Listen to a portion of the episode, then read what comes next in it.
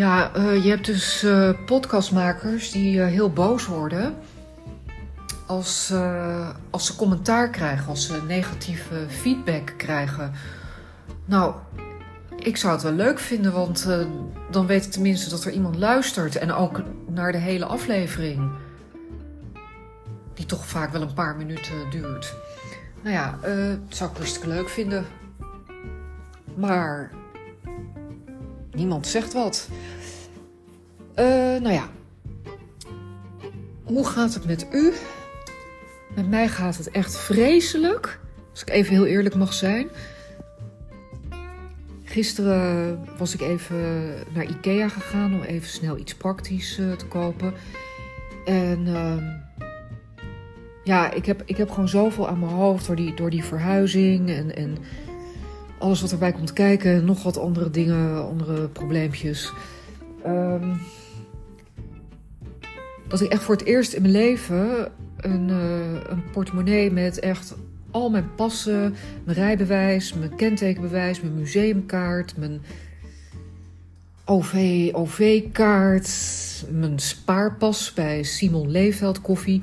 Met al bij, bijna helemaal vol met zegels. Nou, ook heel erg als die weg was geweest. Um, even kijken wat zat er nog meer in? Uh, ja, um, mijn wandelkaart voor de duinen.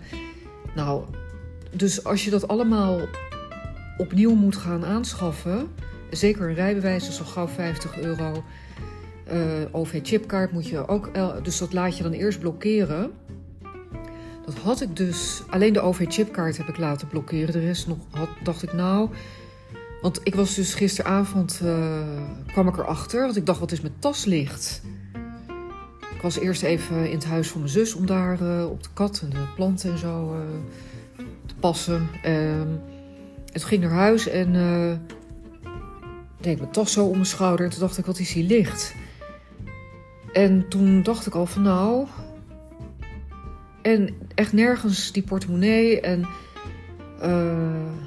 alles omgekeerd. De vuilniszak zelfs, de vriezer bij mijn zus waar ik wat in had gedaan... Um, mijn auto onder alle automatten. Nou, echt overal. Toen ben ik teruggegaan naar Ikea.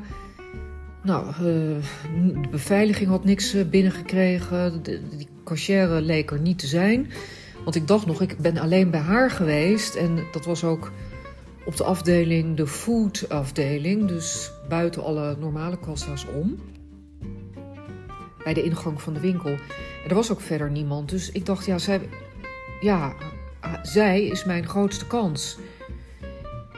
Uh, dus toen zei een hele aardige uh, klantenservicejongen, die ook heel knap was, die zei: Nou, kom, kom toch morgen maar even terug, je weet het nooit. Dus, uh, nou, ik toch met de politie gebeld: van, Moet ik nou aangifte doen? En, en, en met, met de gemeente vanochtend. En moet ik nou mijn rijbewijs blokkeren? Die, die mevrouw zei: Nee, zou, zou ik niet doen. Ik zou toch nog even. Ik zou zelf hopen dat het goed afloopt. Ik zou daar zelf nog eventjes uh, hoop op hebben. Dus, uh, dus zodoende ging ik zonder eerst mijn rijbewijs te blokkeren. Want als je hem eenmaal hebt geblokkeerd, kan dat op de een of andere manier niet meer gedeblokkeerd worden. Het is een ontzettend verdienmodel voor de overheid. Of, weet ik veel wie daaraan verdient. De staat, de Rijks, RDW. Uh, uh, dan moet je dus, zodra je rijbewijs is geblokkeerd, moet je een nieuw rijbewijs kopen. Zodra je museumpas is geblokkeerd, kun je er alleen een nieuwe krijgen tegen bijbetaling. Zodra je OV-chipkaart is geblokkeerd, betaal je 11 euro uh, om een nieuwe te krijgen. Om, um, dus diefstal, je bent alles bij elkaar heel veel geld kwijt als je al je passen moet vernieuwen. Nou, dus um, ik, vanochtend naar, uh, ik vanochtend naar Ikea weer. Ik denk, nou ja. En toen was die cashier er weer. De Spaanse, Spaanse jonge vrouw, heel knap. En ze zei, oh ja, maar ze kwam op me afgestormd. Ze zegt, ik heb je overal gezocht, maar je bent... Ja, op Facebook ben je niet. En uh, ik kon je niet vinden op, op Instagram. En... Uh, Nou, ik, toen, toen wilde ik naar je huis fietsen, maar het was al, want dat, je adres kon ik wel, uh, maar je telefoonnummer niet. Nou, op dat adres woon ik dus niet meer. Ik zit dus in die, in die overgangsfase. Um, ze wilde dus helemaal naar me toe fietsen en het vandaag weer proberen. Nou ja, dat is toch niet te geloven? Dus ze zei, hij ligt bij me thuis. Hij zit, al, alles zit er nog in. En ze zegt, ik heb dit ook twee keer meegemaakt. En ik weet hoe verschrikkelijk het is. Want uh, op het moment dat je rijbewijs namelijk geblokkeerd is... en je hebt nog geen nieuwe, mag je dus officieel ook niet meer auto rijden. Nou, ik moest mijn moeder, mijn oude moeder, vandaag uh, naar verschillende plekken brengen... en haar ook daar weer ophalen. En er is echt helemaal niemand anders die dat kon doen. Zus, uh, andere zus zit het buitenland. Allebei mijn zussen zitten in het buitenland. En haar twee zussen zijn dement. Nou ja, niet dement, maar een beetje dementerend. Um, ja, en allemaal ook stokoude vriendinnen en zo. Dus weet ik veel. Dat ging hem niet worden. Maar goed, even dat terzijde. Ik zat behoorlijk... Uh, ik had nog niet echt goed geslapen. En um, toen kwam er nog iets bij. Um, wat met, dus met mijn nieuwe woning te maken heeft. Wat dus helemaal fout gaat. Dingen die zijn afgesproken die ineens uh, op papier heel anders eruit zien. Dus ja, ik had die. Ik had dus dat bericht van, nou ja, ik kan dus die portemonnee aan het eind van de dag ophalen bij uh, die cashier thuis. dus ik dacht, nou, het is toch nog goed gekomen. En toen kwam er allemaal papierwerk binnen waar ik me helemaal rot van ben geschrokken. Nou ja, en dat met slaapgebrek. En daar kwam ook helaas geen antwoord meer op. Want ja, zulke dingen gebeuren altijd op vrijdagmiddag als iedereen al uh, vroeg naar huis is qua werk. En niks meer voor je uit kan zoeken. Dus nu ben ik het komend weekend, ben, woon ik gewoon voor mijn gevoel nergens. Ik woon wel ergens, maar nog niet uh, officieel. En ik trek het eigenlijk niet meer zo goed. Ik denk, ja, er hangt slecht gesternte boven mijn beslissing. Ik heb, ook, ik heb ook echt helemaal voor mezelf gekozen een keer. En dat had ik natuurlijk nooit moeten doen.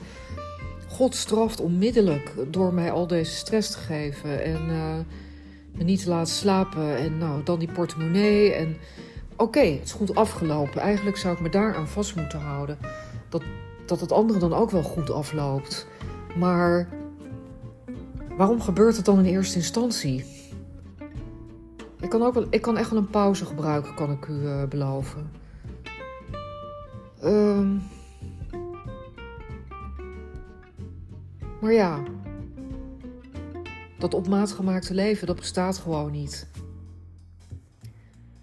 Het is gewoon uh, van schokbeweging naar schokbeweging. En af en toe zit daar een fijne, rustige dag tussen. Maar verder. Uh, oh, ik ben, ik ben gewoon niet geschikt.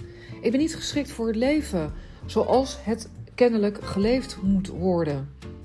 Je wordt geboren, nou, dan is het al nog een beetje leuk. En dan op een gegeven moment ga je naar school. En dan mag je hopen dat het nog een beetje leuk is.